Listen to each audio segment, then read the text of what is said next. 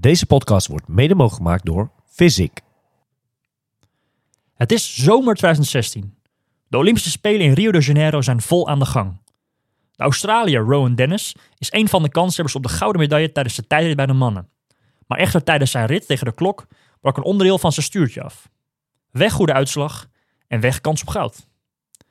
Dit bracht de Nederlander Edwin van Vught op een idee. Edwin had nauwe contacten bij de BMC-wielenploeg en stuurde Rowan Dennis een weekje na de Spelen een bericht met het voorstel om een custom stuurvorm te maken. Een stuur uit één geheel, zodat er in principe niks meer kapot zou moeten gaan. Rowan ging ermee akkoord en al snel lag er een op maat gemaakt carbon stuurvorm klaar. Hiermee werd hij na 2017 gelijk Australisch kampioen tijdrijden. En vervolgens kwamen de aanvragen van meerdere tijdspecialisten al snel. Zo begon Edwin zijn eigen custom tijdstuurbedrijf, Speedbar. Victor Kampenaars behaalde het werelduurrecord. Annemie van Vleuten pakt goud op de tijdrit in de Spelen. En Remco Evenepoel wint de Vuelta. Alleen dit al is een kleine opsomming van wielrenners die gebruik maken van het speedbarstuur. Maar niet alleen wielrenners weet Edwin te vinden. Ook triatleten kloppen bij hem aan. Zo werd Anna Haug afgelopen oktober derde op Hawaii met een stuur. Won Ben Hoffman Ironman Texas. En hebben zowel Wesley als Milan nu ook een stuur van Speedbar. Master of Carbon, kan je hem ook wel noemen. Vandaag zit ik bij hem aan tafel en gaat hij zijn verhaal vertellen. Welkom bij Triathlon Insight.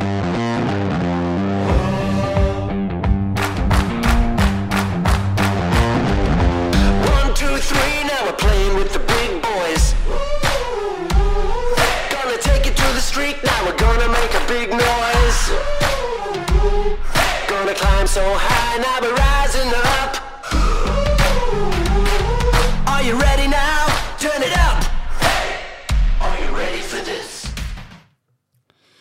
Ja, een hele goede dag, eh, beste luisteraars. En eh, welkom bij de nieuwe, ja, de nieuwste opname van, eh, van het nieuwe jaar, 2023, van, van Triathlon Insight. We hebben een klein beetje gesjoemeld met de afgelopen edities van, van de afleveringen. Met, ja, want Omar was op vakantie, Wesley was op vakantie, vakantie slash trainingskampen allebei. Ik hoop dat ze, dat ze veel hebben getraind.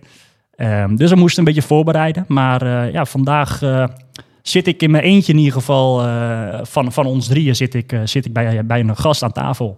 Ehm, want de mannen zijn dus nog op, eh, ja, in het buitenland. En ehm, ja, zoals ik in de intro al heb verteld, is het eh, niemand minder dan Edwin van Vught. En ehm, ik eh, ja, ga hem gelijk maar erbij halen. Goeiedag Edwin.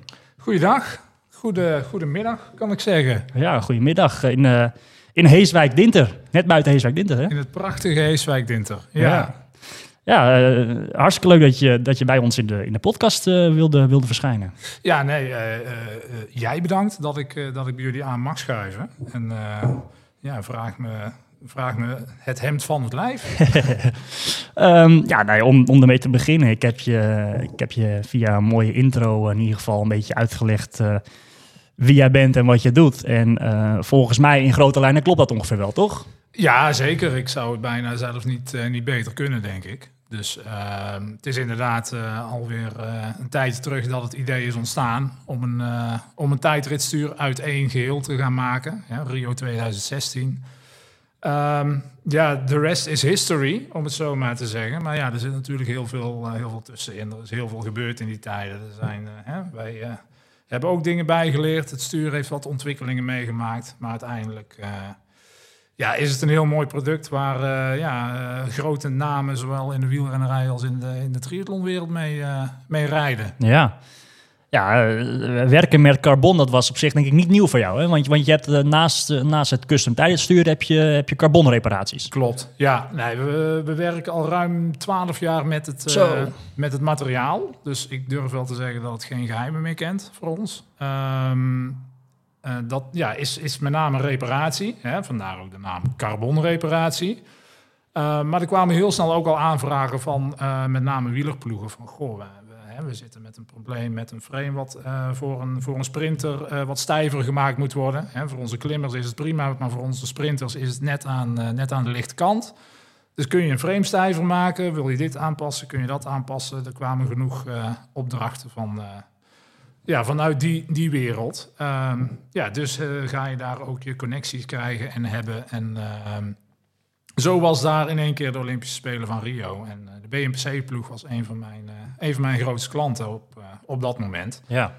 Dus er waren goede connecties. En ja, dit, dit voorval gebeurde. En eigenlijk als, als, als grapje stuurde ik naar de mechanieker van... Goh, zal ik eens een keer een stuur maken voor hem? Want Ja.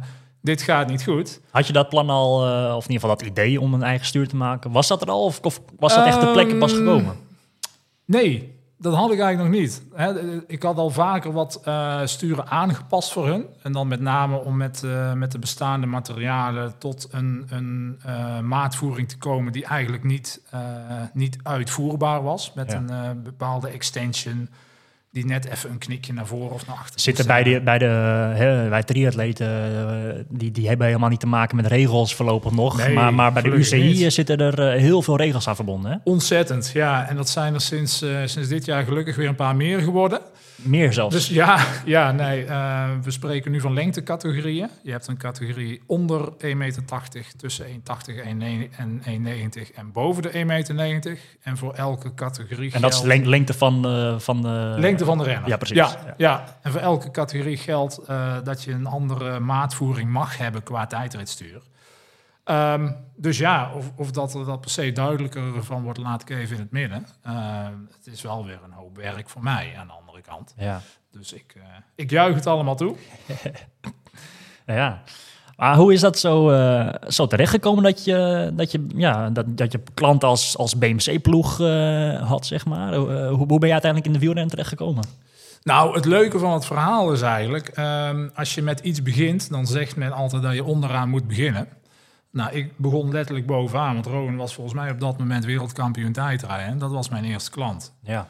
En ehm, wat dat betreft is het wielrennen ontzettend conventioneel, want de winnaar heeft gelijk. Ja. En ehm, als iemand wint met, eh, met armen die als het ware over elkaar liggen, ja, dan is dat het snelste op dat moment. Nou, op dat moment won er dus iemand eh, met een stuur eh, wat op maat gemaakt was. En ja, dan ligt het natuurlijk aan het stuur, want dat is het afwijkende aan het verhaal. Dus iedereen moet zo'n stuur hebben. Dus eh, ik heb wel wat geluk gehad in het begin, zeker Ja. wel. Maar eh, met name ook omdat ik eh, in plaats van onderaan bovenaan ben begonnen. Ja, ja sowieso kom je natuurlijk wel met een, met een flinke klapper binnen natuurlijk. Maar maar waar, wat ik een beetje bedoelde, hoe ben jij echt in, het- in het wielrennen? Want je zegt, ik doe al carbonreparatie al bijna 12 jaar dan, zeg Ja. maar. Is dat echt Ja. gelijk begonnen met, met, met ja, fietsen gelijk al? Ja, ja, eigenlijk wel. Ik, ehm, ik deed carbon repareren naast mijn, eh, naast mijn, gewone, mijn, mijn gewone baan. Ja. Hè, ik had ook nog gewoon werk. ik werkte op een, eh, op een scheepswerf. Oké. Dan maakten we hele mooie, luxe, dure jachten voor eh, de Happy Few.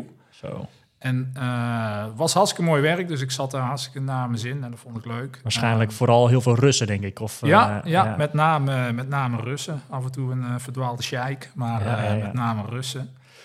En ehm, daar werkte ik ook al regelmatig met, eh, met carbon. Eh, fietsen deed, doe ik al mijn hele leven. Ehm, het hoogste niveau wat ik ooit behaald heb is een amateur A-licentie voor een jaar. En dat was het wel. Ja, is toch eh, behoorlijk wat. Het is iets, het is iets, maar niet, niet in ver- vergelijking met, met de klanten waarvoor ik werk. Ehm, maar bij mij was mijn fiets altijd goed in orde, maar was ik zelf wat minder in orde. Dus eh, uiteindelijk heb ik me dan ook maar toegelegd op hetgene waar ik dus blijkbaar wel goed in was. Ja. En dat was het, eh, het eh, optimaal prepareren van het materiaal. En ehm, ja, zo is carbonreparatie in feite ook begonnen. Ik werkte graag met het materiaal en fietsen zat van jongs af aan in het bloed. En het was le- letterlijk een fietsenzaak hier in de buurt die een frame had met een schade. En die wisten dat ik al wat hobbyde met carbon. En die stelde letterlijk de vraag, zou je dit kunnen repareren? Ja, ik had geen idee. Ben het gaan proberen en ja, dat lukte. En eh, toen heb ik een advertentie op, eh, op Marktplaats gezet. Hè. Ja. Eh, ik kan frames en eh, wielen repareren. Ja. En daar kwam wat werk en dat werd meer en meer. En dan Ja, begin je een bedrijf. Het is op zich best wel ja, redelijk vaak voorkomend dat, dat, dat fietsen kapot gaan of wielen kapot Ja, gaan. ja, of- nou ja, alles kan stuk. Helaas ook een, wel. ook een fiets. En Ja. ehm, gelukkig kan het ook weer gerepareerd worden. Dat is wel het mooie van, eh, van carbon, dat je er relatief veel aan kunt, eh, kunt repareren. Ja. En ja, dat doen we dus ook al twaalf jaar. En ehm, ik denk dat ik een jaar bezig was, of nou, nog niet eens, ik denk een half jaar. En toen eh, via via kwam een, ehm, iemand die bij Giant werkte, die kwam bij mij uit. Want die hadden een immens probleem. Eh, die hadden net hun nieuwe tijdritfiets geïntroduceerd. En eh, de Giro startte dat jaar in Nederland. Wanneer was, eh, wanneer was dat ook weer? ja, dat is geweest 2008 of 2009, Oh. denk ik. Serieus lang geleden alweer. Heel, heel lang geleden. En ehm, nou, die hadden een, een nieuw tijdritframe geïntroduceerd, maar dat werd afgekeurd door de UCI. Oké. Ehm Raboploeg reed destijds met Giant. eh, een grote ronde starten in Nederland. En Giant wil met hun eigen ploeg in Ja. Nederland een frame introduceren... wat een maand voor de start wordt afgekeurd. ja, dan heb je gewoon een vet probleem. Ja, zeker. En eh, toen was ik de oplossing, blijkbaar. In ieder geval, ik werd benaderd. En ik wist in eerste instantie nog niet eens precies wat er aan de hand was. Maar ik denk, ja, dit is mijn kans. Dus eh, ja, ik kan jullie helpen. Ja. En na, ja, pas toen de eerste frames hier waren, realiseerde ik wat er eigenlijk aan de hand was en wat ik moest doen. En, eh, Dacht je toen, Toen- shit? Of, of? nou, toen dacht ik wel even, oh, dit is wel heel kritisch. Eh, uiteindelijk kwam, kwam het erop neer dat ehm, vlakbij het balhoofd, daar zat wat te veel materiaal. Een van de regels van de UCI is dat een buis niet hoger dan 8 centimeter mag zijn. Nou, de radius van onderbuis naar balhoofdbuis begon te vroeg, waardoor de buis daar hoger was dan Mhm. die 8 centimeter. Dus daar moest wat vanaf. Ja, dat is best wel een kritisch punt. En ehm, uiteindelijk gedaan. In eerste instantie alleen voor de, voor de negen frames waar, waarmee ze de tijdrit gingen, gingen rijden. Ja. Uiteindelijk voor de hele ploeg. En eh, heeft de ploeg nog drie jaar met die frames rondgereden. Oké. Maar dat was wel mijn, eh, mijn introductie in het professionele wielrennen. Kijk. Ja, Nou, dat is wel een serieus, eh, serieuze taak die je gelijk voorgeschoten kreeg. eh. dat was het zeker. En ook met knikkende knietjes aan begonnen, moet ik zeggen. maar eh, tot een goed einde gebracht. En ja, dat was wel mijn, mijn kruiwagen de- naar de wielrennerij. Ja. En eh, ja, dat was dus in eerste instantie was dat, eh, was dat dus voor de rouwbank. eh, en, en, en vervolgens kwa- kwamen er meer ploegen of, of mensen bij jou aankloppen? Of hoe is dat gelopen? Nou, eigenlijk wel. Hè. Net als triathlon is de professionele wielrennerij ook gewoon een heel klein wereldje. En Ja. kent iedereen elkaar. En hè, wie de- het ene jaar hè, is, is die jongens mechanieker hier en het volgende jaar daar. En dat geldt voor de ploegleiders en de soigneurs en iedereen. Dus dat verhaal ging ook als een razend vuurtje. Ja. En zo kwamen er andere ploegen met andere eh, dilemma's die ze hadden of dingen die aangepast moesten worden. En zo eh, zit je er in één keer middenin. Ja. En zo, eh, ja, dat was dus inderdaad ook die combinatie met eh, dat, dat jij nauw contact had met BMC toen in, Ja, van het ook. verhaal van Ron Dennis. Zeker, inderdaad. ja, daarom, daarom. Daar had ik ook het een en ander voor gedaan. En ehm, ja, toen gebeurde dit. En ja, wat ik zei, het was gewoon een heel flauw appje naar de mechanieker van... Goh, dit, eh, dit gaat niet goed. Ja. Daar moeten we iets aan doen. En Wat, paar, was, wat was eh, er precies eh, aan de hand bij het stuur van hem? eh, Was het echt, is dat echt gebroken tijdens zijn, zijn race? Nou, in feite is het gebroken tijdens het opbouwen van die fiets. Oké. Eh, hè, die fiets is getransporteerd naar, Ja. eh, naar Rio. Dus die moet in een vliegzak. Dus die wordt half uit elkaar gehaald. Die wordt weer in elkaar gezet. En daar is iets, iets bij misgegaan. Komt erop neer dat een bout eh, waarmee je het stuur monteert op de basebar... eh, die was wat aan de lange kant. Waardoor die, bout eigenlijk in de extension eh, drukte. Ja. Ehm, dus die bouw drukte de extension kapot. Wat je in eerste instantie niet ziet. Want dat is het gedeelte wat als het ware in de klem zit. Mhm. Uh, maar ja, wat je wel gaat merken. En ja, dat is dus gebeurd. En ehm, wat we eigenlijk wilden, we wilden inderdaad, wat jij al zei, we wilden een stuur uit één stuk maken. Ja, als, je, als je kijkt naar, eh, naar heel veel tijdritframes, eh, maar ook triathlonframes eh, hè, van, van de laatste paar jaar.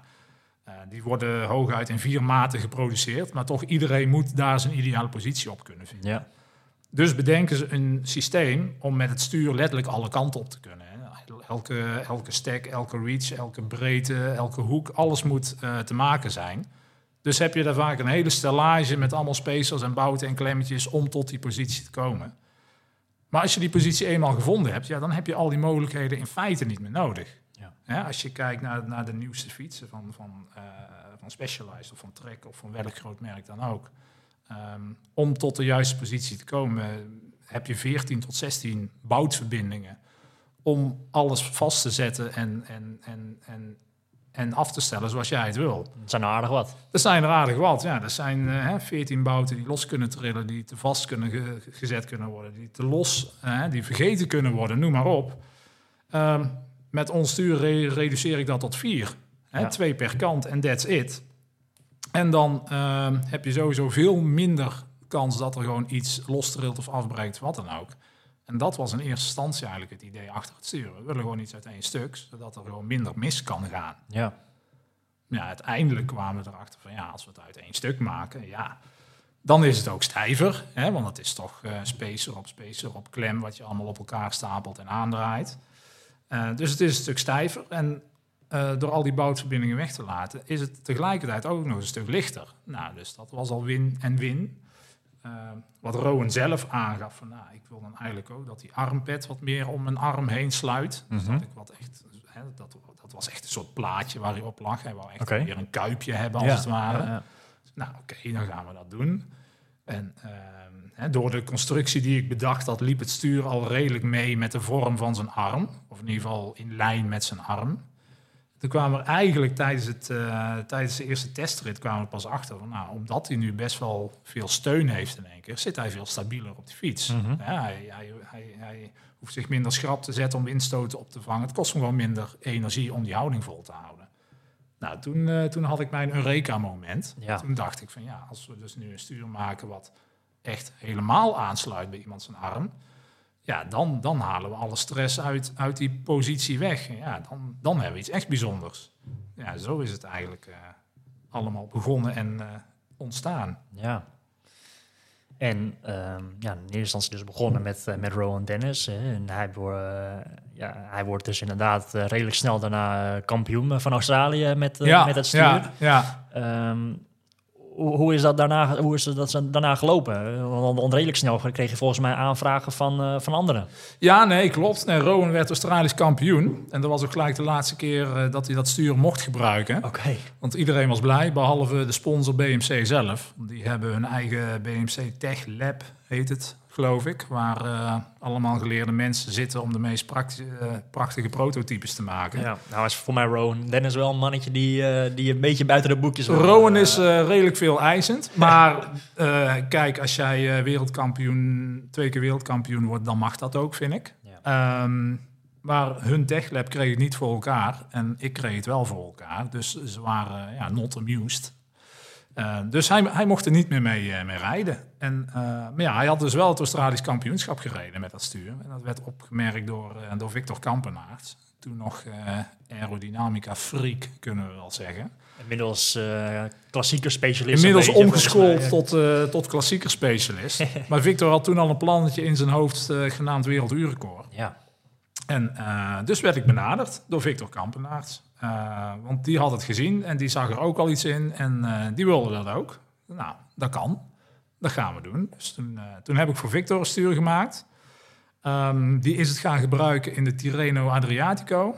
Die startte. ook in 2017 was dit? Dit was in 17. Ja, Ook, ook ja, oké. ja, ja. Allemaal nog binnen, het, ja, binnen, binnen een jaar van zeg maar de Spelen Ja, ja, ja, 2016. ja, ja, ja, ja. Eh, dat was 17. Ehm, die startte toen met de ploegentijdrit. En vier dagen later was er een individu- individuele tijdrit. En natuurlijk, eh, bij zo'n ronde zijn alle ploegen bij elkaar en wordt er even goed in de keuken gekeken. En ja, dit was nieuw, dit was afwijkend, dit was anders. En ehm, in feite de, de, de regelgeving van de UCI zoals die toen was... ehm, ja, er stond niks in de regelgeving over hoe groot een, een, een armcup of armpad mag zijn. En welke hoek die mag hebben en wat dan ook. Ja. En nu was dat ding in één keer zo groot als jouw hele arm. Dus ja, dat was wel even iets anders. Ja. En, en, en dan, dan treedt de regel in werking van... Hè, is de regelgeving niet eh, up-to-date naar een nieuwe vinding... eh, dan mag het, eh, zolang er niemand protest indient. Nou, uiteraard werd er protest. Ja. ingediend. Dus na de ploegentijdrit was het einde verhaal van mijn stuur. En ja, was ik not amused. Nee, dat snap ik. Ehm, dus met stoutschoenen naar de UCI van, goh, ja, ik, ik snap het. Hè, eh, als iemand protest indient, hè, ja, dan, dan wordt het afgekeurd, oké. Maar ehm, wat moet ik doen dat het wordt goedgekeurd? Hè? Maak, hè, pas de regelgeving aan, zodat iedereen weet wat er wel en wat er niet mag. Want ondertussen liepen de aanvragen ook binnen. Ja. Hè? De protesten liepen binnen en de aanvragen liepen binnen. Zo werkt dat. Dus ehm, vertel mij wat ik moet doen om, om dit stuur eh, legaal te maken. Ehm, want uiteindelijk, eh, omdat je meer steun hebt, is het ook een veiliger stuur. Ja, met, met veiligheid in het achterhoofd eh, had ik toch wel de mening dat dit een legaal stuur moet kunnen zijn. Nou, uiteindelijk is er regelgeving eh, gekomen. Ehm, datzelfde jaar nog, ongeveer drie weken voor het WK. Dus ik had nog één wedstrijd waar iemand mijn stuur kon gebruiken. En ehm, de regelgeving was zo dat ik een kleine aanpassing moest doen om het stuur weer legaal te maken. En heeft Victor toen, eh, volgens mij heeft, heeft hij toen een derde plek behaald op dat WK. En op hetzelfde WK stroomden de orders al binnen voor eh, het Voor het seizoen van, erop. eh, van, van het jaar erop. Ja. Ja. Dus, dus vanaf toen begon het echt, echt serieus te lopen. ja, toen ging het helemaal los. Ja, ja. En dan heb je in één heel veel werk volgens mij. Dan heb je in ene heel veel werk. En ik had al niet te klagen met het reparatiewerk. En ehm, ik ben nogal een, een eigenwijze vlegel. Ehm, want ik wil geen per- personeel. dus het hield in dat ik eh, dag en nacht aan het werk was. Ehm, maar uiteindelijk is dit ooit als hobby begonnen. En heb ik van mijn hobby mijn werk kunnen maken. Ja. Dus eh, ja, ik hobby gewoon heel veel.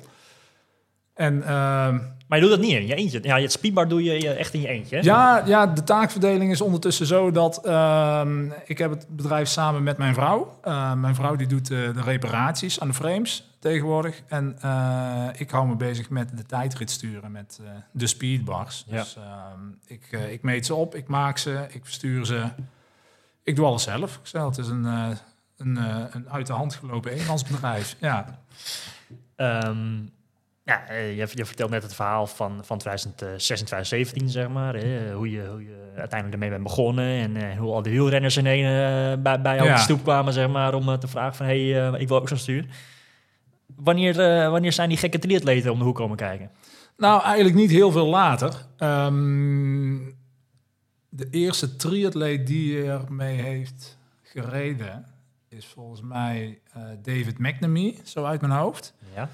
Ehm, die ben ik op het spoor gekomen. Ehm, wij gingen nog eens een keer naar, eh naar Lanzarote.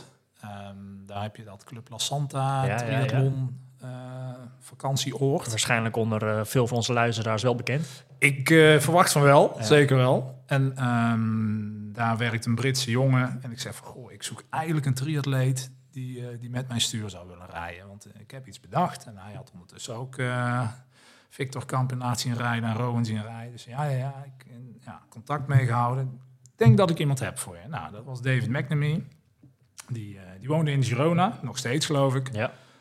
Dus ik naar Girona, en, eh, het stuur aangemeten en, eh, en voor David gemaakt. Nou, dat werd ook weer opgemerkt natuurlijk. Dat werd toen opgemerkt door de toenmalige trainer van Lucy Charles. Ja. Dat was, de, eh, was ook een, dat was ook een Brit, was Matthew Bothrail, was dat. Dat is eh, echt wel een goeroe op het gebied van tijdrijden, volgens mij. Dat is een uh, goeroe op het gebied van tijdrijden mij is dat, en eh, aerodynamica. Uh, volgens mij is hij ook een van de mannen die ook... ehm, ik weet niet of hij echt zelf al meereed afgelopen Ja. jaar, maar, maar in het, eh, volgens Ja. mij in het begeleidingsteam in ieder geval zat van... eh, In het terreintje van. Van, van, eh, van, was dat nou Skipper of was het Bloemenveld? Bloemveld. Van Bloemenveld. Ja, ja, ja. nou, in ieder geval, er zit volgens mij heel veel tijdritskennis in, eh, in Engeland. En Ja, eh, die man hij, is er wel eh, één van, volgens mij. Hij wordt ook door een aantal ploegen ingehuurd voor eh, aerodynamica testen en dat soort dingen. Dus echt wel iemand met heel veel kennis. En die, eh, die zag er wel wat in. Ja. Dus die vroeg van, goh, wil je naar Engeland komen? Dan zorg ik dat ik een aantal renners heb.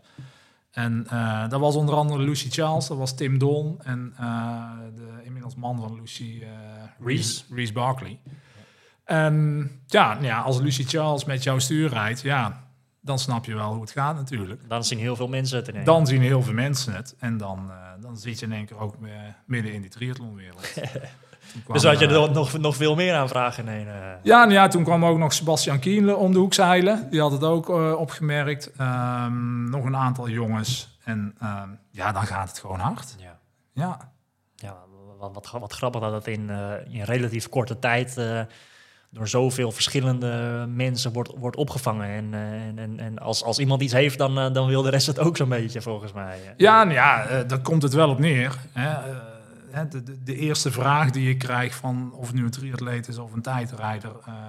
de eerste vraag is, hoeveel watt ben ik sneller met jouw stuur? Nou, mijn antwoord is geen idee. Ja. Want ehm, hè, natuurlijk doen we windtunneltesten, doen we baantesten. hè. Maar eh, zeker een aerodynamica-test, of het nou een windtunnel of, of op een baan is. Ja. eh, aerodynamica is super individueel. Dus eh, hè, wat, wat, hè, we hebben renners gehad waar het maar 4 watt scheelde. We hebben ook renners gehad waar het 18 watt scheelde. Zo. Ehm, maar ik Ik ben dat er niet niks. Nee, dat is zeker niet niks. Maar ik ben er van hei- heilig van overtuigd. Want dan meet je gewoon statisch. En, Ja. en dat is heel wat anders dan dat je op die fiets zit. Zeker. En wat zeker voor een triatleet geldt. eh, een triatleet zit eh, vier, vijf, misschien wel zes uur op die fiets in die houding. En wat ik net al aangeef, ehm, het stuur ondersteunt jouw volledige arm. En nou hoef ik hier niet uit te leggen dat de houding op een triathlonfiets niet de meest eh, comfortabele houding is, denk ik. En je moet nog la- lang lopen na het Nou, fietsen precies. Je hebt last Dus van je rug misschien Als, als die houding al in één keer een stuk comfortabeler wordt, waardoor jij eh, niet na vier uur een keer je rug moet rechten of even uit die houding moet komen of verkrampt of wat dan ook, ja, dat, dat scheelt jou wel zo enorm veel. Dat, dat, hè, dat, is, eh, daar, daar heb je geen, eh, dat is geen, geen rocket science. Nee. nee. Dus puur door ehm, het, het toevoegen van een stukje comfort. Hè, de, de houding die eigenlijk heel extreem is, wordt in één keer comfortabel. Zo moet je het zien. Spaar jij gewoon heel veel energie die je of later in kunt zetten bij voor het lopen. Of waardoor je harder kunt gaan. Waardoor je misschien net even wat, een wat meer aerodynamische houding aan kunt nemen. Ehm, dus ja, de, hoe langer de afstand, hoe groter de voordelen. Zo simpel is Ja. het. En ehm, ja, ik zat even te denken, maar, maar in principe zie je tegenwoordig best wel veel eh, andere bedrijfjes of andere merkjes die in een eh, dat Ja, idee een soort van hebben overgenomen. Ja, hè? ja, volgens, nee, klopt. volgens mij ben jij wel echt de eerste geweest die, die met dit idee gekomen is, hè? Ja, ehm, ik moet zeggen, ehm, de, hè, nu heette het team Ineos, toen was het team Sky. Die hadden ook al een stuur wat als het ware met de het contour van je arm meeliep. Oké. Eh, ze ondersteunden niet, maar het, liep al wel met de contour van de arm mee. Dus daar had ik al wel een beetje naar gekeken. Van, Ja, hey, daar is het idee een beetje van vandaan gekomen. Ja, zeker, zeker. Ehm, maar een, een stuur wat echt de arm ondersteunt, nee, dat was er nog niet. En eh, uiteindelijk, ja, ik zeg het is ook geen rocket science om te kunnen bedenken dat dit eh, een voordeel oplevert. Dus ja, je maakt iets uniek, unieks eh, waar weinig aanbod in is, maar wel veel vraag. Ja, wat krijg je dan? Concurrentie. Ja, daar kun je heel rauwig om zijn. Ehm, ben ik niet? Nee, het houdt mij scherp. Hun doen dingen waarvan ik denk, nou, dat is slim. Eh, ik doe dingen waar ik hoop hun van denken, nou, dat doet hij goed. Hè, dus dus eh, je wordt nooit stommer van elkaar. Ehm, heel eerlijk, ik kan ook niet de hele wereld bedienen met Nee. mijn sturen. Wil ik ook niet. Zeker als je eentje doet. Daarom, daarom, en dat is wel de insteek. Ik wil het gewoon graag in mijn eentje blijven doen. Ik maak een, ik maak een maatproduct. En ik denk eh, dat het niet werkt als een maatproduct wordt opgemeten door Jantje... en je communiceert met Pietje en Klaasje maakt het... en, eh, en, en die, eh, die plakt er een postzegel op. Dat, dat werkt alleen maar eh, misverstanden in, in de hand. Dus ehm, dat is mijn argument, of een van de argumenten om het alleen te blijven doen. En eh, ja, ik heb concurrentie, ja, klopt. Ja, ja. Is, is dat, het is niet iets dat je, waar je echt een patent op kan om, op, vragen of aanvragen. Ehm, ik zou niet weten waar het patent dan op eh, zou moeten liggen. dat is de vraag. Ja, precies. Ja, daarom. Dus daar heb ik me eerlijk gezegd ook nooit in eh, verdiept. Eh, ook met de, met de insteek van ja, ik kan toch nooit de hele wereld bedienen. En ik heb al een stap voor, omdat ik al met die grote namen werk en in die wereld zit. Ehm, dat blijkt ook wel, want als dat niet zo zou zijn, dan was ik nu ook wel klaar met mijn bedrijf. Ja. Maar ze komen nog steeds, dus Ja. ik doe toch iets goed, denk ik. En eh, aan de andere kant, je hebt een maatstuur en je hebt een maatstuur. Hè. Ehm, het grootste nadeel van mijn stuur voor de meeste triatleten is denk ik toch wel eh, de prijs voor, voor het stuur. Ehm, hè, kijken naar een Wattshop of een Aerocoach of, of welk ander merk dan ook. Die zijn een stuk eh, voordeliger. Ehm, Maar dat is, dat is een, een een stuur wat al soort van voor iedereen klaar is. Toch? Dat Nou, is niet per precies. se custom, toch? Nee, nee dat, eh, dat is, ehm, het, wordt, het wordt custom gemaakt, als het ware. Het Ja. is een standaard stuur wat voor jou op een bepaalde lengte wordt gemaakt. En eh, je kunt het in een bepaalde hoek zetten. En daarmee kun je het iets meer customizen dan een standaard stuur. Ehm, wat ik doe, ik maak echt een mal van jouw armen. Ja. En die mal die gebruik ik om eh, de schaal te maken waar jouw armen in liggen. Dus eh, het is letterlijk een één op één kopie van de vorm van jouw armen. Ja. Nou, Want ik ben hier, ehm, ik, even kijken, ergens in augustus denk ik dat ik hier eh, geweest ben. ja, Voor het eerst. Ehm, en, en om even uit te leggen aan de, aan de, aan de luisteraars. toen, toen ben ik vooral hier gekomen om een mal te laten maken. ja, En klopt. Ja. Kan je eens uitleggen ehm, wat we precies hebben gedaan? En wat er daar dan allemaal bij komt kijken, to- eh, het hele proces tot, tot een, een echt stuur, zeg maar. Ja, nou, het hele proces duurt drie weken. Dus ik ga proberen om het iets korter uit te leggen dan wat- dan wat het in werkelijkheid, eh, in werkelijkheid duurt. Ehm, nou, wat ik zeg, de mal die heb ik nodig om de schaal te maken waar jouw arm in ligt. Ehm, die mal maak ik van een, eh, van een thermoplastische kunststof. Ehm, dat is in feite een, een, een- kunststofplaat. Door die warm te maken wordt die, wordt die week en kan ik hem vormen. En kan ik hem dus om jouw arm vormen. Dan, dan is het letterlijk een één op één kopie van de vorm van jouw arm. Ehm, dat doe ik terwijl jij op jouw fiets zit. Dus de fiets staat in een home trainer. Jij kunt in de aero-positie liggen. En binnen een aantal minuten nadat ik die plaat op je arm heb gelegd, eh, wordt die hard. En dan heb ik een eh, perfecte afdruk van jouw arm. Nou, dat is stap 1. daarna ehm, neem ik nog een aantal maten van jouw huidige po- positie. Ehm, ik zeg al, het stuur is op maat, maar ook zoals het stuur eh, gemonteerd zit, is maatwerk. Wij werken niet met een adapter die voor elk type stuur werkt. Eh, wij maken het stuur 100% pas op de fiets zonder adapter, dat hij gewoon naadloos aansluit. Mhm. Dus met het special systeem van het merk fiets waar je mee rijdt. Ehm, dus daar halen we ook weer het uiterste uit. Dus hij is op maat qua vorm, hij is op maat qua eh, aansluiting op de fiets. En als derde is hij ook nog eens op maat qua eh, stack, qua reach, eh, de breedte, de hoek waar je mee rijdt. Ehm, dus dat is ook een vastgegeven. Ehm, ik verlang ook van mijn klanten, als ze hier komen, dat de positie zoals de fiets nu staat, dat dat ook de positie is, Dat is waar, de het, finale positie. inderdaad. waar het stuur in wordt gemaakt. Ja. Ehm, na het maken van de mal moeten we de mal voorbereiden. Ehm, we krijgen daar altijd wat afdrukken in. Ik zeg al, we maken de mal op de fiets zelf. Dus er staat een afdruk in van de huidige armpad. Nou, die hoef ik niet eh, in het stuur te hebben. Nee. Dus dat, eh, daar wordt een klein beetje eh plamuur op aangebracht om de oneffenheden eruit te halen. Vervolgens leggen we daar de eerste lagen carbonvezels op. Ehm, als die uitgehaard zijn, halen we ze van de mal. En hebben we de start van de schaal. Ehm, daar, wordt een, eh, er wordt een uiteinde in gelamineerd. Eh, daar wordt een begin in gelamineerd. Dat zijn letterlijk hè, een uiteinde. Dat is gewoon een buisje waar jouw shifter in past. Mhm, Wat jij mhm. vastpakt. Eh, het begin is een, is een klein stukje armpad om ervoor te zorgen dat ik links en rechts symmetrisch kan werken. Hè, als ik een mal maak van jouw armen, niemand is sy- symmetrisch. Ja, hoe kan ik iets symmetrisch op een fiets zetten eh, terwijl de- die dingen niet symmetrisch zijn? Dus ik moet symmetrisch kunnen beginnen en eindigen. ja. Dus op die manier. Ehm, daar wordt een buisje onderdoor gelamineerd eh, voor de kabelvoering. En uiteindelijk gaan er een aantal lagen carbon overheen. Ehm, weer een beetje plamuur, weer een aantal lagen carbon. En eh, uiteindelijk wordt hij op de fiets gepositioneerd. Ja, het is echt stap voor stap voor stap om tot een stuur te komen. Er zit ongeveer per stuur tussen 25 en 30 uur Nou, werk. dat, dat wilde ik net vragen, want je, Ja. hebt, eh, je hebt het proberen zo kom mogelijk Ja, uit te leggen, het- maar je, bent ja. al een paar minuten bezig. Maar Daarom, het dat laat echt, wel zien hoeveel eh, tijd je met eh, één stuurtje bezig bent. daarom. Ik kan ehm, Je zegt 25 tot 30 uur per stuur. 25 tot 30 uur per stuur. Voor mij is dat rond de 20 uur. De rest van de tijd is voor de spuiterij. Mhm. Ehm, dus ik kan, in, in principe kan ik twee sturen per week maken. Dan zit ik aan 40 uur. Dan heb ik een voltallige werkweek. Zo. Dan heb ik ook wel eens weken hè, eh, vlak voor een tour of voor een Ironman. Dan is de nood wat hoger en eh, dan zit ik hier... eh, Dan is de slaap wat minder. de, de nood hoger en de slaap minder. En dan, ja, dan, dan, zijn het, dan zijn het wel eens vier sturen per week.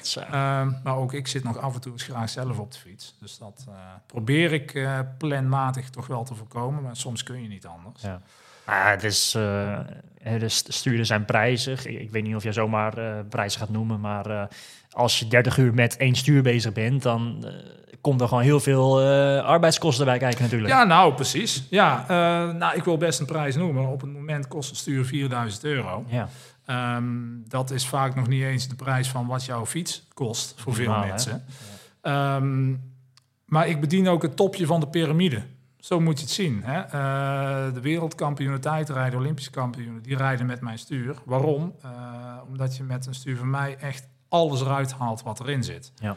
Ehm, ben jij hobbyist en wil jij gewoon net even iets comfortabeler liggen, dan ben ik er 100% van overtuigd dat het stuur van Watshop of Aerocoach of Speco of wie dan ook 100% aan jouw verwachtingen voldoet. Maar wil jij echt alles eruit halen, wil je 100% maatwerk, ja, dan kom je bij mij uit. ja, dat heeft zijn prijs. Ja, Zo simpel is het. ja daar, daar komt het wel op neer natuurlijk. Ja, ja en, en kijk, heel simpel. Of je nu, eh, hè, eh, of, of je nu Remco Evenepoel bent of een agegroeper die zich net niet kwalificeert voor Hawaii, voor mij maakt het niet uit. Het is gewoon, het stuur is 4000 euro en that's it. Dus ook, die, ook, eh, ook die mannen. ook die mannen die krijgen gewoon dezelfde rekening. Ja. Ja. ik, ik sponsor niemand. Dat is mijn bedrijf te klein voor, vind ik. Expres. Ja, ja, ja. En eh, ja, take it or leave it. Zo simpel is het. Ja, op zich wel, eh, wel mooi dat je, dat je dat gewoon standaard, eh, als standaard hebt in ieder geval. Maar eh, het is ook, ook niet, niet voor niks natuurlijk, want je bent er gewoon wel heel veel tijd aan kwijt met zo'n met zo'n stuur. Ja, nee, daarom. Kijk, en als het een product is wat ik van een schap afpak en alsjeblieft hier heb je het, ja, dan wordt het een ander verhaal. Maar hè, ook het sturen van Anne Haug of van, van, hè, van Remco Evenepoel of wie dan ook, daar ben ik ook gewoon die tijd mee bezig. Ja. Dus ja, ehm, hier moet het licht ook branden. Spijt me zeer. ja, het is wel zo. ja. Kan je, kan je mij eens uitleggen ehm, dat, dat, dat stuur van Anna Haug? Zij heeft Ja. afgelopen jaar, eh, oktober, eh, Hawaii eh, ermee gereden ook weer. Ja. Ehm, Maar dat is een iets ander stuur dan normaal lijkt me. Want er zit ook een soort van waterbak in of zo. Of in ieder geval een soort van voedings... eh, Ehm, toch? Je, je, hebt, je hebt daar wel wat nou- specialer dingen mee moeten doen, geloof ik. Hè? Nou, dan heb je hem niet helemaal goed gezien, denk ik. Want in feite is het ook gewoon een, een bidon met een drinksysteem wat eronder zit. Ja. Maar dat zit er zo mooi en nauw onder dat het één geheel lijkt. Oké, kijk. Dus dank voor het compliment. Ehm, nee, ik, eh, ik ben misschien redelijk principieel, maar ik, ik weiger om een stuur uit één stuk te maken. En dan bedoel ik dus een stuur of, eh, of, of la- la- laat ik zeggen één, eh, één armpad waar beide armen in liggen. ja. Ehm, dat, dat zie je tegenwoordig eh, wat ja, vaker. hè? Volgens mij heeft Frodeno heeft dat bijvoorbeeld echt een, een stuur ja, helemaal ja. in één stuk. En, en, en bij Speedbar zijn er nog twee losse, eh, of twee arm, losse armstukken eigenlijk. Ja, nou, hè, een aantal redenen. Ten eerste, als jij je arm volledig wilt ondersteunen, dan werkt het niet als hij alleen maar aan de buitenkant is ondersteund. Eh, ten tweede, een, een aantal profs kunnen met hun armen praktisch tegen elkaar rijden om heel aerodynamisch te zijn. En dan zou je het inderdaad uit één stuk kunnen maken. Eh, maar voor de meeste normale mensen onder ons eh, is dat gewoon praktisch niet haalbaar. En dan wordt Ja. het gewoon een stuur van bijna 30 centimeter breed. En dan ben je eigenlijk gewoon een, een, ja, een, een spoiler aan het maken die, die de verkeerde kant op staat. Mhm. En eh, ga je er alles mee behalen, behalve een aerodynamisch voordeel. Ja, is dat, is dat niet een aerodynamisch voordeel? Nou, als jouw stuur Want netjes volgens mij denk je er dan wel, geloof ik, die daarmee rijdt.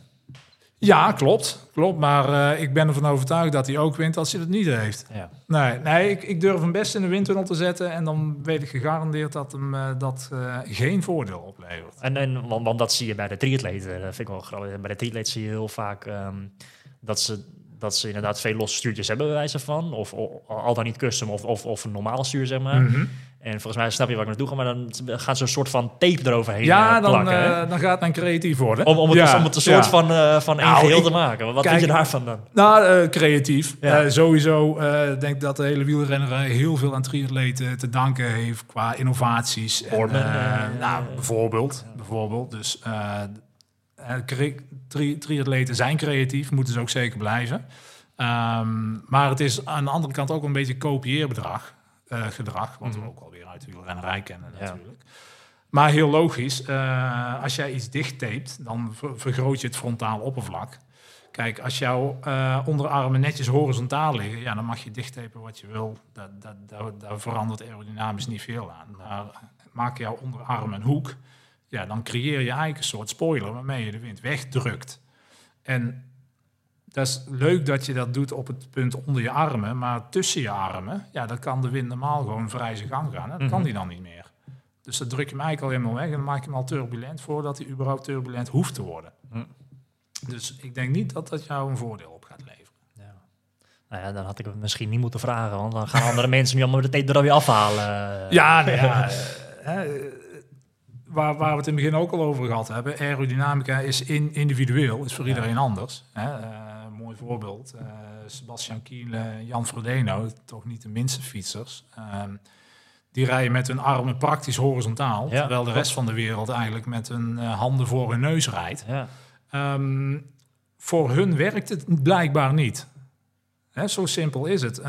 Bij, bij 90% van de mensen die wij testen, zien we als we de handen omhoog brengen, dus richting het gezicht, dan uh, je verkleint eigenlijk de hoek tussen onderarm en bovenarm.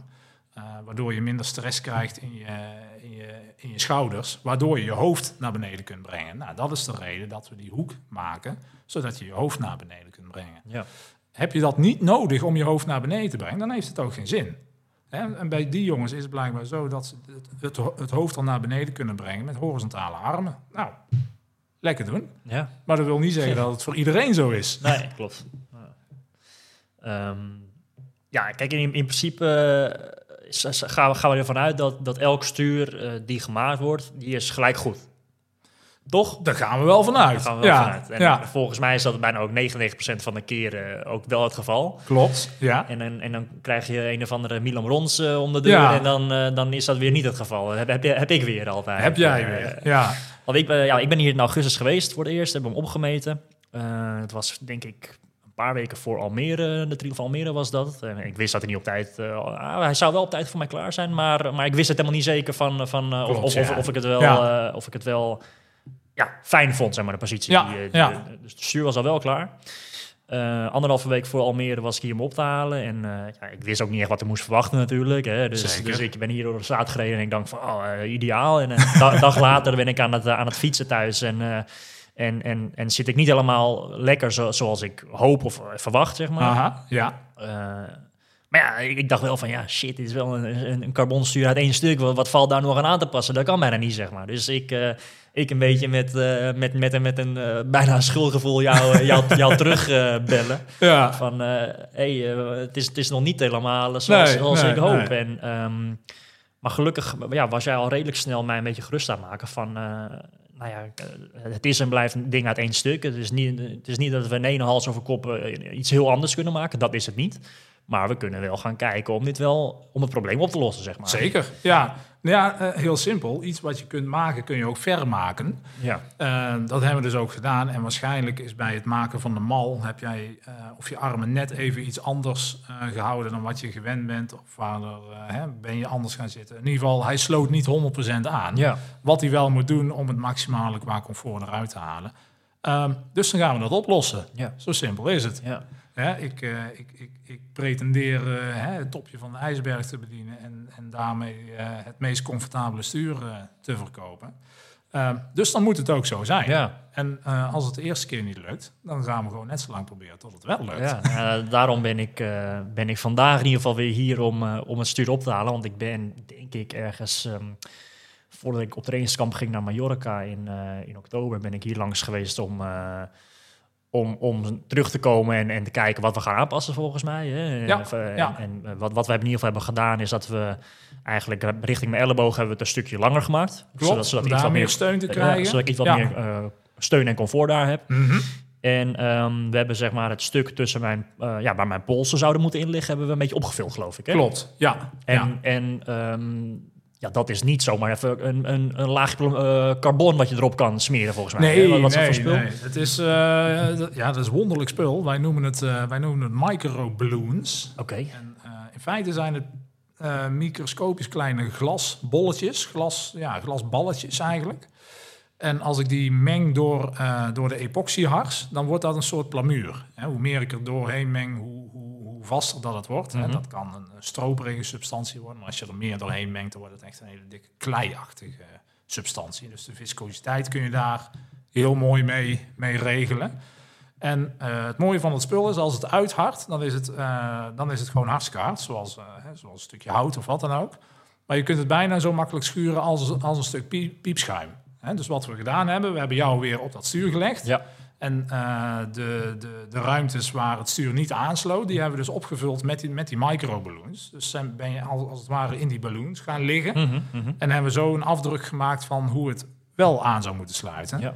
Nou, dat is uitgehaard. Daar heb ik uh, letterlijk en figuurlijk de scherpe kantjes van afgeschuurd. En uh, er is weer een laagje carbon overheen gegaan voor, voor de stevigheid.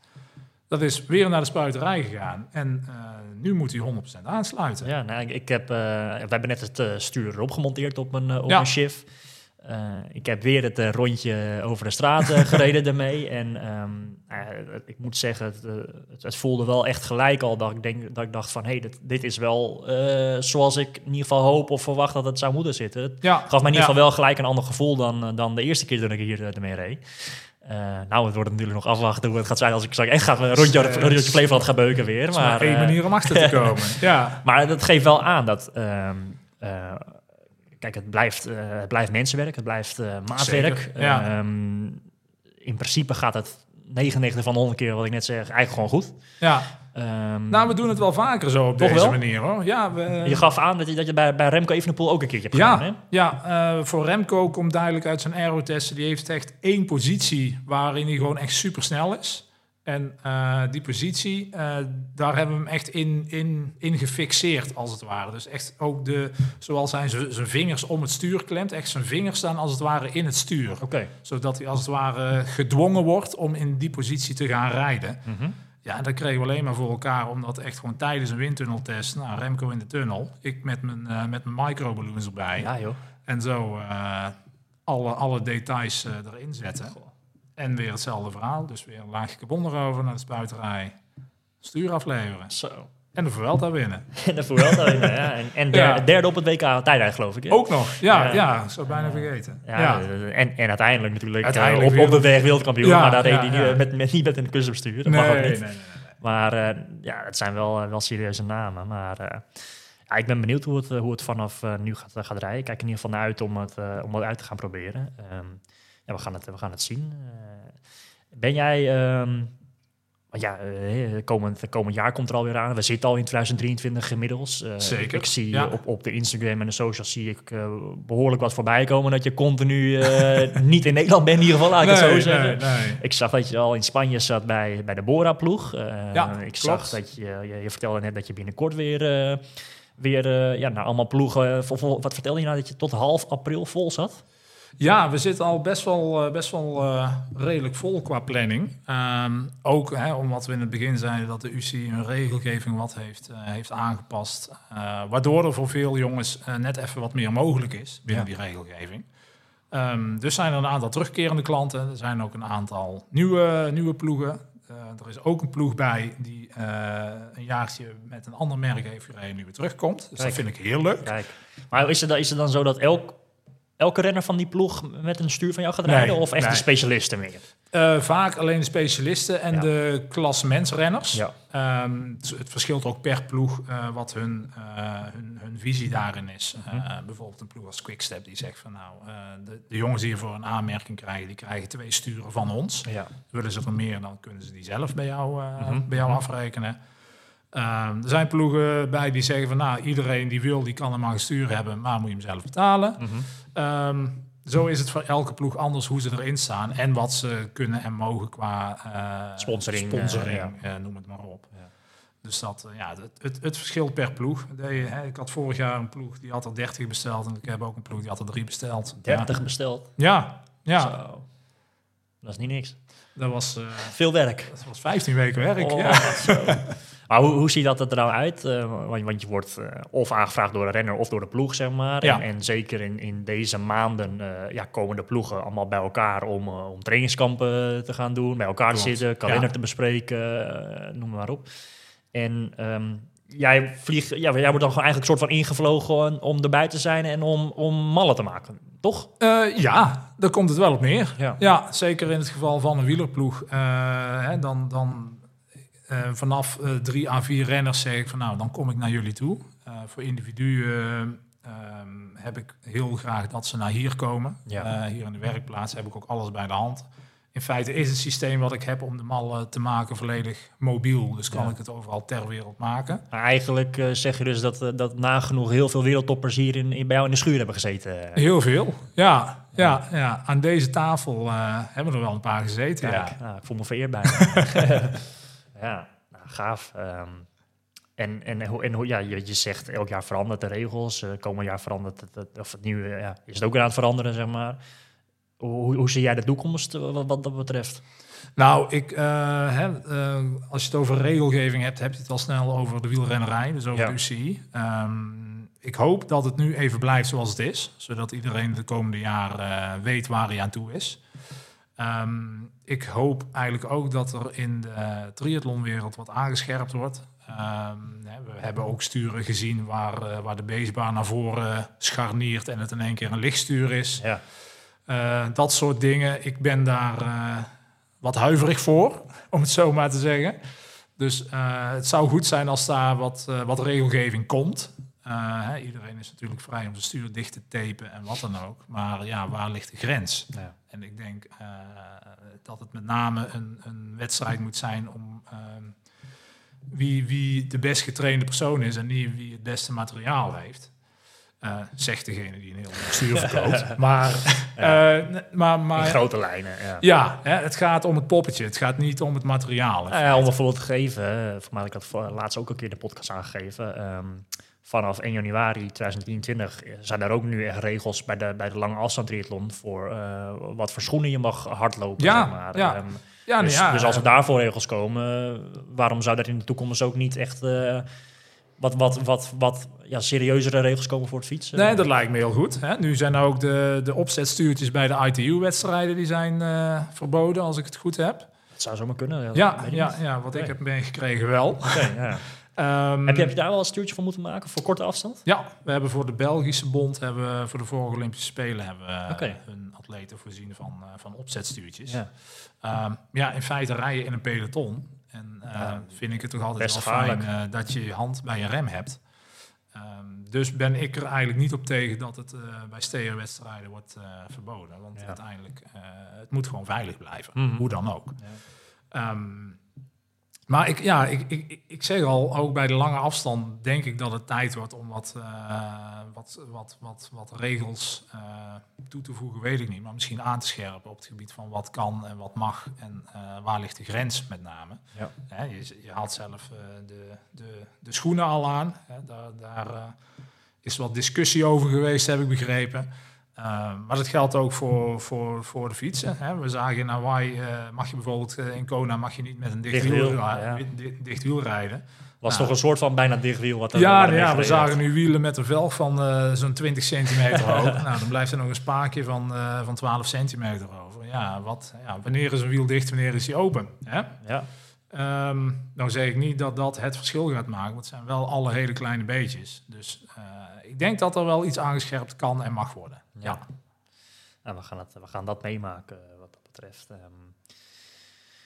ja, wat ik, eh, wat, wat ik nog wel benieuwd naar, waar, waar ik nog benieuwd naar was, is, ehm, want je doet zowel hè, de top van het wielrennen, maar ook eh, zo, zowel toppers als, als amateurs hè, van triatleten. Ehm, zit daar volgens jou, vind je dat daar een verschil in zit in, in, in die mensen die je over de vloer krijgt? Ehm, ja, el- el- elk mens is anders natuurlijk. Jawel, ja. Nou, ehm, al- als ik het even op, eh, op aerodynamisch vlak mag, mag houden. ja? Ehm, kijk, een, een, een, een tijdrijder die moet eh, een bepaalde afstand zo snel mogelijk afleggen. En heel vaak is die afstand eh, zo kort dat hij, dat hij dat binnen een uur heeft gedaan. Ja, Ehm, dus ga je proberen die jongen in een zo aerodynamisch mogelijke positie te krijgen. Ik geloof dat hun eh, eh, handen, en dan heb ik het bijvoorbeeld over jongens als, als Ghana, geloof ik, en voor mij Mhm. Evenepoel ook, die zitten, die zitten ook wat meer rechter als een soort van liggen op het stuur in plaats van Ja. zo'n stokje een beetje naar boven. Hè? Ja, nee, dat heeft ook weer te maken met de regelgeving. Omdat je een maximaal hoogteverschil mag hebben tussen het begin en het eind van je Maar stuur. daardoor kom je ook al gelijk in een soort van andere houding waar je net over had. Ook, ja. Hè, want vaak, eh, hè, wat ik zeg, voor 90% van de mensen geldt dat eh, je handen voor je gezicht brengen. Dat je daardoor je, je hoofd naar beneden kunt, eh, Ja. kunt duwen. En je dus aerodynamischer bent. Ehm, vaak bij een UCI-tijdrit is dat niet mogelijk. Omdat het simpelweg niet mag van de regelgeving. Ehm, maar eh, we hadden het over eh, de verschillen. Ja. Ehm, nee, waar ik bij, de, bij mijn UCI-sturen echt focus op positie van het stuur, dat de renner zo aerodynamisch mogelijk is. Kijk, ik kan met een, een noem een, een Blumveld of, of wie dan ook, kan ik naar een windtunnel gaan. En ik weet zeker dat ik hem 20 watt sneller kan krijgen, puur door hem aerodynamisch Door de op de positie. fiets Ja. puur door de positie. Ehm, maar als dat inhoudt dat hij na drie uur verkrampt of bij het lopen verkrampt, wat heeft het dan voor een zin gehad? Mhm. Hè? Eh, Bij een triathlonstuur moet, eh, in mijn ogen, moet alles eh, gefocust zijn op het comfort. Comfort is het belangrijkste. Als jij comfortabel op die fiets zit, ga jij het langer volhouden, ga jij harder kunnen fietsen, eh, ga jij makkelijker kunnen lopen. Ehm, kun je aerodynamisch? Waarschijnlijk wel, maar het zal heel waarschijnlijk ook ten koste gaan van jouw comfort. Dus het is bij, bij, bij een triathlon stuur of, of hè, bij een triatleet is het sowieso heel belangrijk om de balans te vinden tussen wat houd ik makkelijk vol en kan ik daarna ook nog makkelijk mijn, mijn run doen. Ja, een beetje dat verhaal dat we aan het begin eh aan Ja. uit te leggen. Ja, ja dus, dus eh, focus daar niet op het, het, het besparen van dat laatste watje, maar focus daarop hè, hoe kom ik nog zo, zo, zo fris mogelijk van die fiets af. En dat, is, dat, dat is eigenlijk een hele andere benadering dan wat we bij, bij een wielrenner hebben. Is, is dat ook echt wel de, de tip die je zou meegeven aan, aan triatleten? Of heb je nog wel wat- andere tipjes die je kan, eh, kan prijsgeven, eventueel voor aerodynamica of waar, waar de triatleten mee Nou, bezig kunnen? De beste investering om aerodynamischer op een fiets te gaan zitten is het kopen van een spiegel. Oké, Ja, en ik zal het even uitleggen.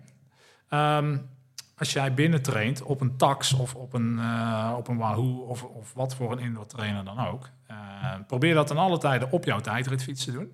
Eh, in positie, want uiteindelijk is dat de positie waarin jij jouw wedstrijden wilt gaan doen. Mhm. Dus als je je blokjes traint, doe dat lekker in die tijdritpositie. zal ik die ook maar even gaan opmonteren, want dat doe ik normaal nog Zou ik niet. wel gaan doen. Kijk, Ja, ja want ehm, die tijdrithouding is niet de meest comfortabele houding, maar is Nee, wel de ik houding die je heel lang moet gaan vol kunnen houden. ja.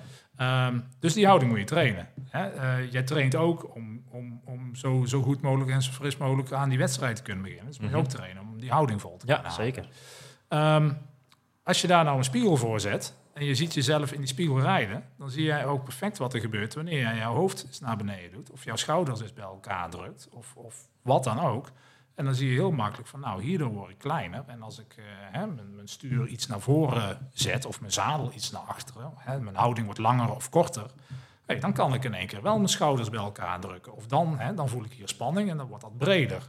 Hè, hoe, hoe kleiner jouw frontale oppervlak, hoe aerody- aerodynamischer dat je bent, nou, dat zie je heel makkelijk door gewoon een spiegel voor je neus te Ja. zetten. Nou, begin daarmee. Dus op zich eh, niet een hele dure is dat eh, volgens mij. Nee, nee, maar wel de meest nuttige. Ja, goeie tip, goede tip. Eh, we- wellicht dat- we er wat mee kunnen gaan doen. Dat zou zomaar kunnen. Ehm, ja, waar ik nog wel, wat, wat eigenlijk sowieso wel een vraag over had, is... ik denk dat we in grote lijnen dat we het, het, het speedbar eh, verhaal best wel eh, hebben uitgelegd. Hè? Wat, wat, komt er allemaal bij kijken? ja. Wie, wie komt er allemaal bij kijken?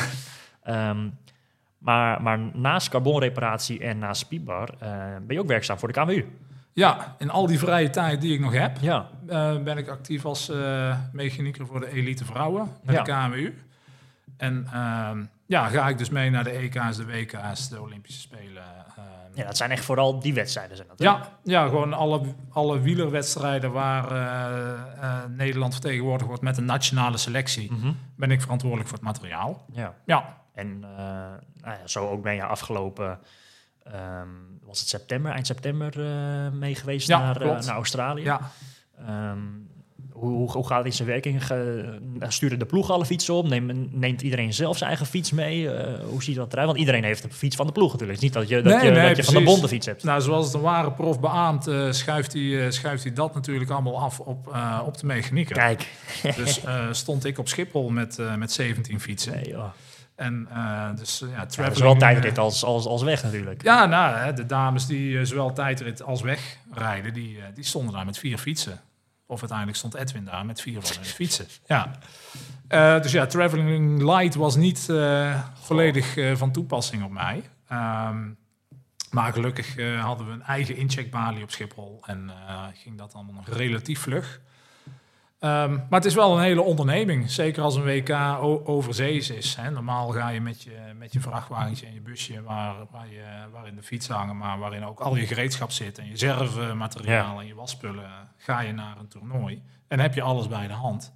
Ja, nu moet alles mee in het, vlieg- eh, in het vliegtuig. En dat, eh, dat vergt wel vaak, vaak wat, eh, hè, wat, wat creativiteit. Hè. We- Bijvoorbeeld, hè, we rijden daar een team Ehm, ja, die, die, die dames en heren moeten al, allemaal warm rijden. Dus we hebben zes, eh, in dit geval zes Tax Neo trainers nodig.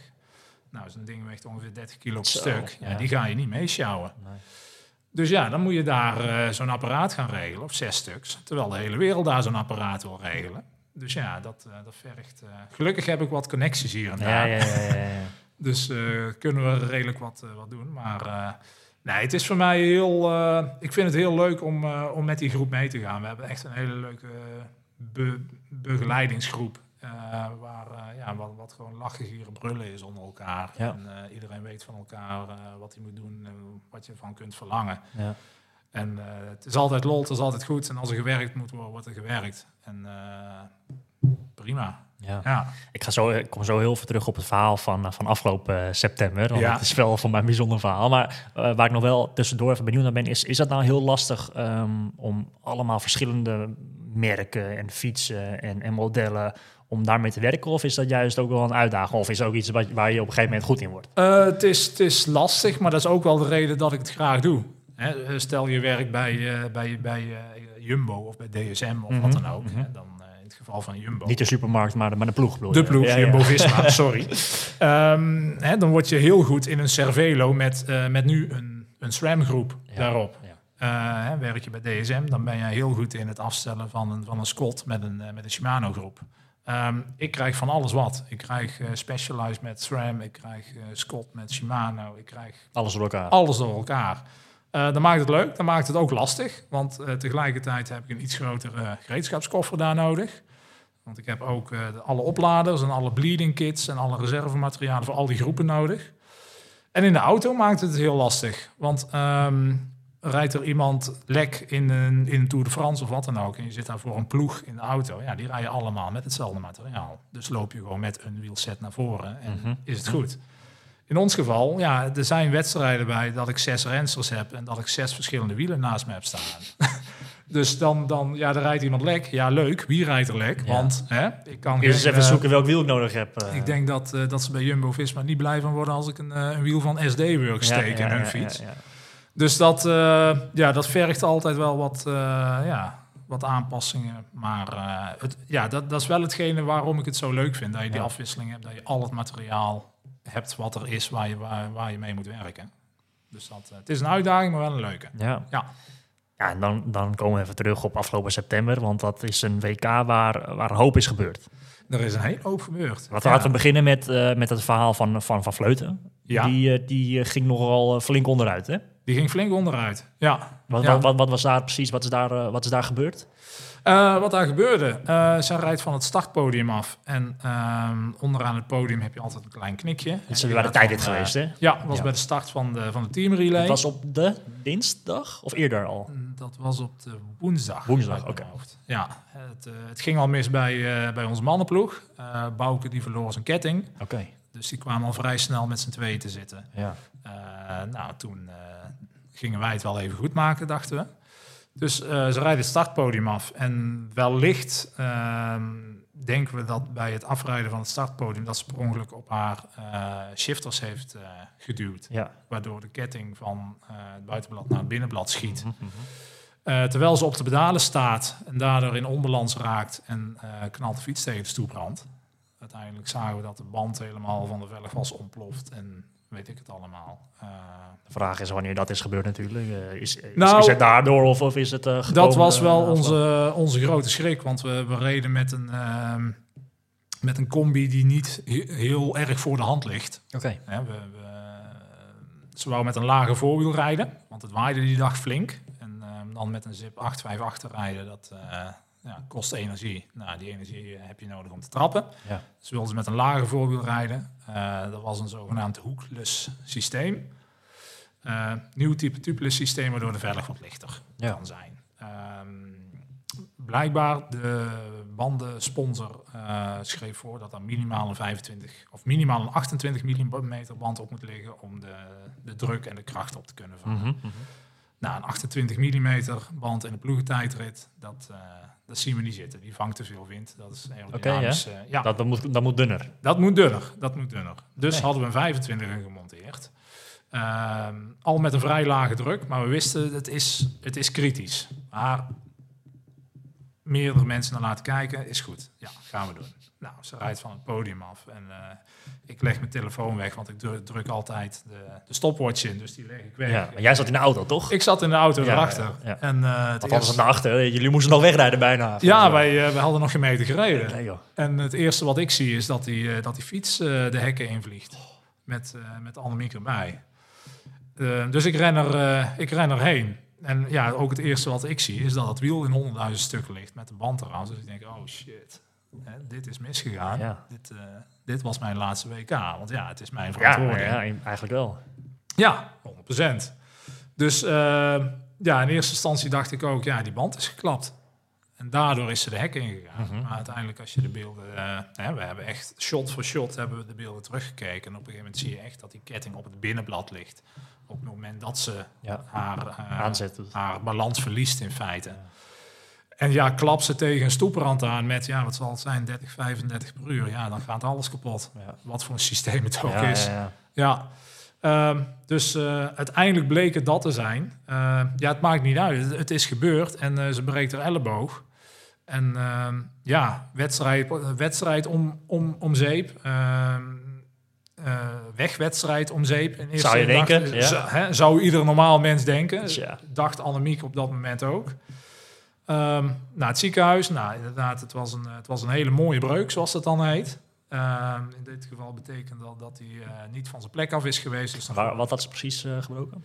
Ehm, de details weet ik er ook niet van. De elleboog. Nee. De elleboog. Ergens iets, in de elleboog. Iets in de elleboog. Ja, maar een hele mooie breuk. Nou, geweldig. Maar ja, het is wel gebroken. Ja. Dus er is pijn, er is eh, nog geen, teleurstelling. eh, nog is- geen drie of vier dagen later was, was de wegrit. Ja, ja, en eigenlijk voor de wegrit... eh, nou, ik ben er eigenlijk van overtuigd... als het WK in Europa was geweest, was ze al thuis geweest. Want Ja. Het, het, ja, we zaten aan de andere kant van- de wereld. Je roept niet zomaar even een andere renster op. Ehm, dus ze is van start gegaan eh, met het plan om eh, Marianne zo goed mogelijk af te zetten in de, in de, in de finale. En ehm, toen werden wij, denk ik, naar 20 kilometer koers bij de juryauto geroepen. Ehm, ja, ehm Annemiek die rijdt met een eh, verkeerd shirt. Die, eh, die moet een ander shirt aan. Oké. Ja, oké. Ja, dat zeiden wij ook. Ja. Ja, dat, is, dat is leuk, maar we zijn hier op een WK. Eh, we rijden zonder communicatie. Hoe gaan wij Annemiek duidelijk maken dat ze een ander shirt aan moet? Ja, dat is jullie probleem. maar we mochten wel voor de juryauto gaan rijden. Dus zeg maar eh, in de staart van het peloton. Ja, ja, ja. En dan maar hopen dat ze ons hoorden. Of ja, we waren aan het klaksoneren. En met de hoop dat er iemand omkeek. En eh, uiteindelijk na denk een, een kwartier op de klakson duwen... eh, kregen we Annemiek aan de auto. En ik was er echt van overtuigd. Nou, die, die, die stond al aan de start met een gezicht van... Ja, wat doe ik hier? En ik denk, nou, als we dit moeten gaan melden, dan is helemaal klaar. dan is het klaar. Dan is het klaar. Maar Annemiek zou Annemiek niet zijn als die eh, toch weer, eh, toch weer eh, alle moed bij elkaar geraapt had. Dus ik kwam aan de auto, zei, joh, je moet een ander shirt aan. Nou, oké. Ik heb in mijn regentas zit, zit een ander shirt. Dus over een paar kilometer gaan we stoppen. Doe ik meteen even een sanitaire stop. Ander shirt aan, gaan we weer verder. Nou, hè? Antwoord wat ik niet had verwacht, Ja. maar oké, gaan we doen. Dus wij stoppen. Eh, ik help haar met het shirt aandoen, hè, want die arm zat in het verband en het is allemaal, eh, het is allemaal lycra en het, eh, het regende ook nog een beetje, Ja. dus het was allemaal, allemaal plakt allemaal. Maar zo goed en zo kwaad mogelijk dat shirt aangetrokken en we gingen weer verder. Maar ja, dat heeft alles bij elkaar, inclusief de sanitaire, sanitaire stop, zeker een minuut geduurd. En ja, het peloton raast verder. Ja. Hè, die, die gaan niet wachten. Zeker niet op mevrouw Van Vleuten op dat moment. Ehm, Was het nog het begin van de koers?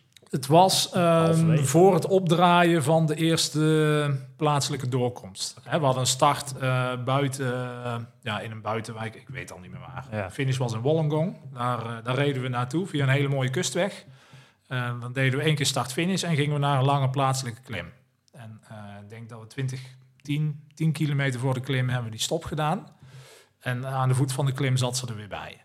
En ehm, op het moment dat ze weer op de fiets stapt en eigenlijk de, de, de aansluiting probeert te zoeken met het peloton. Je moet eerst die hele karavaan moet je voorbij. Mhm.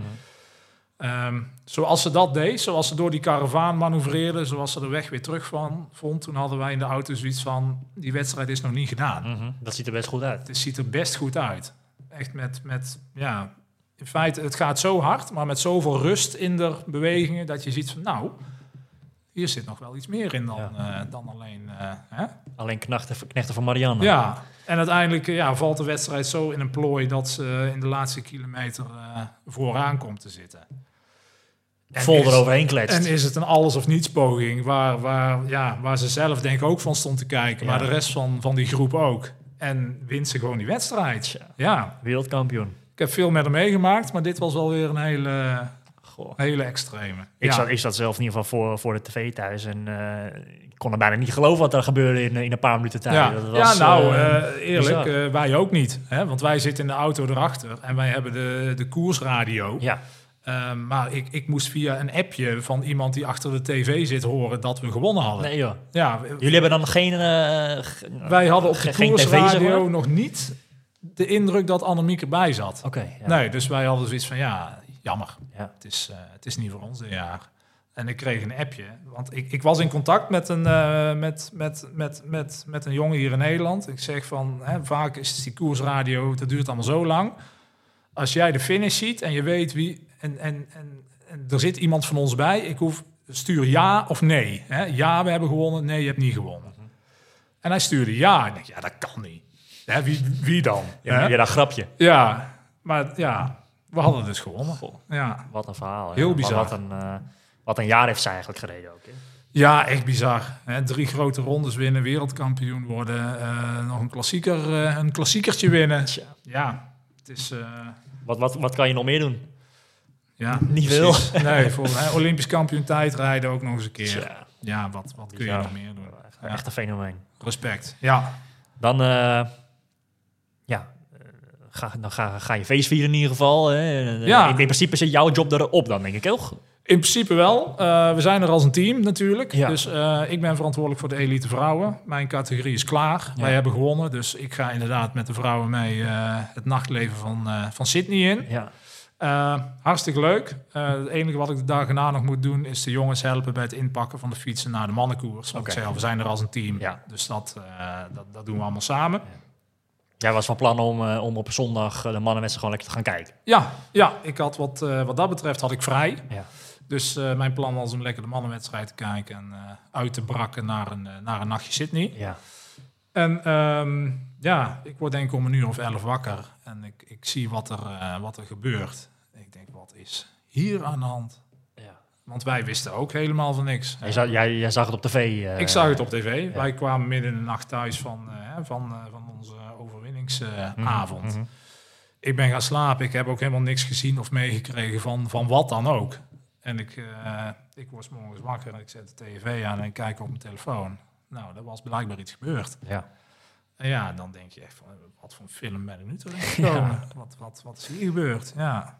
Maar ja, dat, dat wil ik nog wel even gezegd hebben. Het meest lullige daaraan vind ik dat uiteindelijk... We hebben het natuurlijk over het, eh, het verhaal van eh, Mathieu van der Poel. Ja, hè, ja, die, volgens mij kent iedereen langzaam, het, langzaam maar zeker het verhaal wel. Hij heeft die nacht paar uur eh, bij politie eh, door moeten brengen. door moeten brengen. En eh, het verhaal met, met ja, 's s'nachts, terwijl hij wil slapen, wakker, worden, wakker gehouden worden door een paar, Ja. een paar meisjes op de, op de kamer. Of op de, op de gang die, die, die druk, druk bezig zijn, zeg maar. Ja, ja, En precies. eh, hij gaat op zijn zacht gezegd in ieder geval niet, eh, niet, in ieder geval flink tegen, hard tegenaan van hier, nou is het klaar, zeg maar. En eh, dat was iets te hard en, en er is het een en ander gebeurd en hij kwam uit de politie terecht. En, ja, ehm, klopt. Ja. Dat is uiteindelijk het verhaal. Dat is het verhaal. En ehm, uiteindelijk, ja, wie heeft daar schuld aan? Denk iedereen wel en iedereen niet. Ja. Ehm, maar wat er uiteindelijk gebeurt, hè, we zitten daar al twee weken in dat hotel. Eh, als je ooit een wielerploeg in een hotel hebt gezien, nou die eisen dat hele hotel op. Ja. In één keer is, is het hotel van die wielerploeg. Hè. Wij hebben alle ruimtes nodig voor onze fietsen. Wij hebben, we nemen een eigen kok mee. We, we- eh, alles kon daar, alles mocht. Het was allemaal goed geregeld. En eh, dan gebeurt er zoiets waar het hotel in feite ook niet veel aan kan doen. En wat doen een aantal mensen in Nederland? Die gaan allemaal slechte recensies over het hotel schrijven. Ja, ja, ja. Dat vind ik, ja, daar vind ik iets, vind ik iets van. Ja. Dat vind ik gewoon jammer. Dat, eh, dat hoeft niet. Het is al erg genoeg dat het is gebeurd. We hebben eh, nul klagen over het hotel gehad. Die hele, die hele, die hele reis daar. En dan krijg- ja, worden hun zo afgebrand. Ja, daar kunnen zij ook niet heel veel aan doen natuurlijk. Vind ik niet nodig. Nee, Nee. nee, nee. Nou, goed dat je dat in ieder geval aangeeft. Ja, voor, voor Mathieu eh, van der Poel eh, is die dag een beetje eh, vervelend afgelopen natuurlijk. Eh, hij was re- zeggen. redelijk snel was hij uit koers. Ja, de mannen hebben naar kunnen behoorlijk, eh, behoorlijk gepresteerd natuurlijk. Met, met Pascal Ja. Eekhoorn die er heel erg lang goed bij zat. zeker. Ja. Met, met Dylan die er, die er nog even geprobeerd heeft. van Baarle. Ehm, ja, uiteindelijk niet, niet net zo goed kunnen scoren als de dames in ieder geval. Want, eh, want eh, een van jouw klanten die, eh, die was in zijn eentje wel heel erg sterk. Uh, Remco. Evenepoel, die, weer- Ja. die werd kampioen. Klopt, ja. Ehm, ja, vervolgens zit dan het WK erop. En, eh, en, en je was op de zaterdag was je al eh, de, de- de- gaan stappen. Maar eh, je vertelde dat je ook eh, de- die, die, avond ook nog eh, de stad niet meer geweest Ja, toch? uiteindelijk zijn we zondagavond ook nog met eh degene die er nog waren en met de mannenploeg en degene die wilden. Want ja, Ja. het toernooi zit maar erop. de vraag wie, wie er nog na die nacht nog wilde natuurlijk. Ja, nou ja je, moet het, je moet het altijd afsluiten. Of je Ja. nu, eh, kijk, als je alleen maar gaat stappen al, als je wint, dan, dan ga je heel weinig stappen. Hè, bij de Nederlandse dames misschien iets meer, want we winnen wel eens een keer. Maar over het algemeen met wielrennen doen 200 mensen mee en er kan er maar eentje winnen.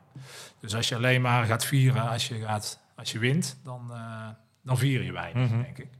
Dus eh, we hebben het op een goede manier afgesloten. We zijn inderdaad eh, ook nog Sydney in geweest, waar we nog meer renners uit het peloton tegenkwamen. En ik ga de details hier zeker niet vertellen. Nee, ik, ik, hoorde eh, van, de, van de week hoorde ik in een andere podcast dat, eh, dat onder andere Dylan nog een club is uitgezet, geloof ik. eh.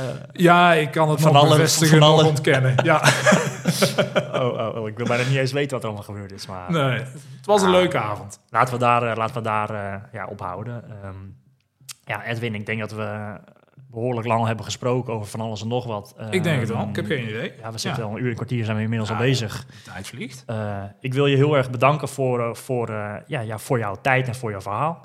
Ehm, ik heb alle, bijna ja, in principe alle gasten die, die wij in onze podcast hebben, die krijgen van ons een, een, een, speciale Triathlon Inside Mock. Dus die heb ik, voor, je, die heb ik voor jou meegenomen. Nou, kijk, hartstikke mooi. Dus als je koffie lust, dan kan je daaruit drinken. En, en anders, een theetje kan er ook wel in. Ehm, dus ja, nogmaals eh, wil ik jou in ieder geval heel erg bedanken voor je tijd. En eh, ja, ik, ik ben heel erg benieuwd hoe, eh, hoe ik mijn aanpassing van het stuur eh, ga, ga ja, hoe, hoe dat gaat voelen in ieder geval. Dus we gaan het zien. We gaan het zien. Goed, Ja. dankjewel. Ja. En ja, om in ieder geval mee af te sluiten voor de luisteraars. het is dan nu begin januari. Eh 11 februari is de Triathlon Inside trainingsdag. De hele dag ja, zwemmen, fietsen, hardlopen, lunch en diner. Eh, Omar is erbij, Wesley is erbij, ik ben er ook bij. Ehm, vanuit Epen. Ehm, je kan je via Triathlon Inside, de website, kan je kan je, je opgeven. Ehm, ja, we gaan er eh, heel snel gaan we er wat meer informatie over geven.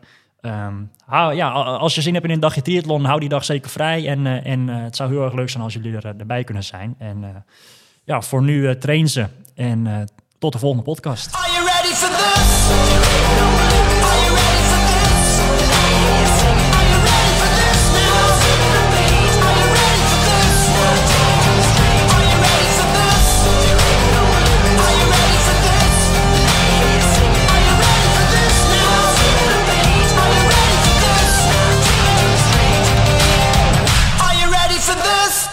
Deze podcast wordt mede mogelijk gemaakt door Physic.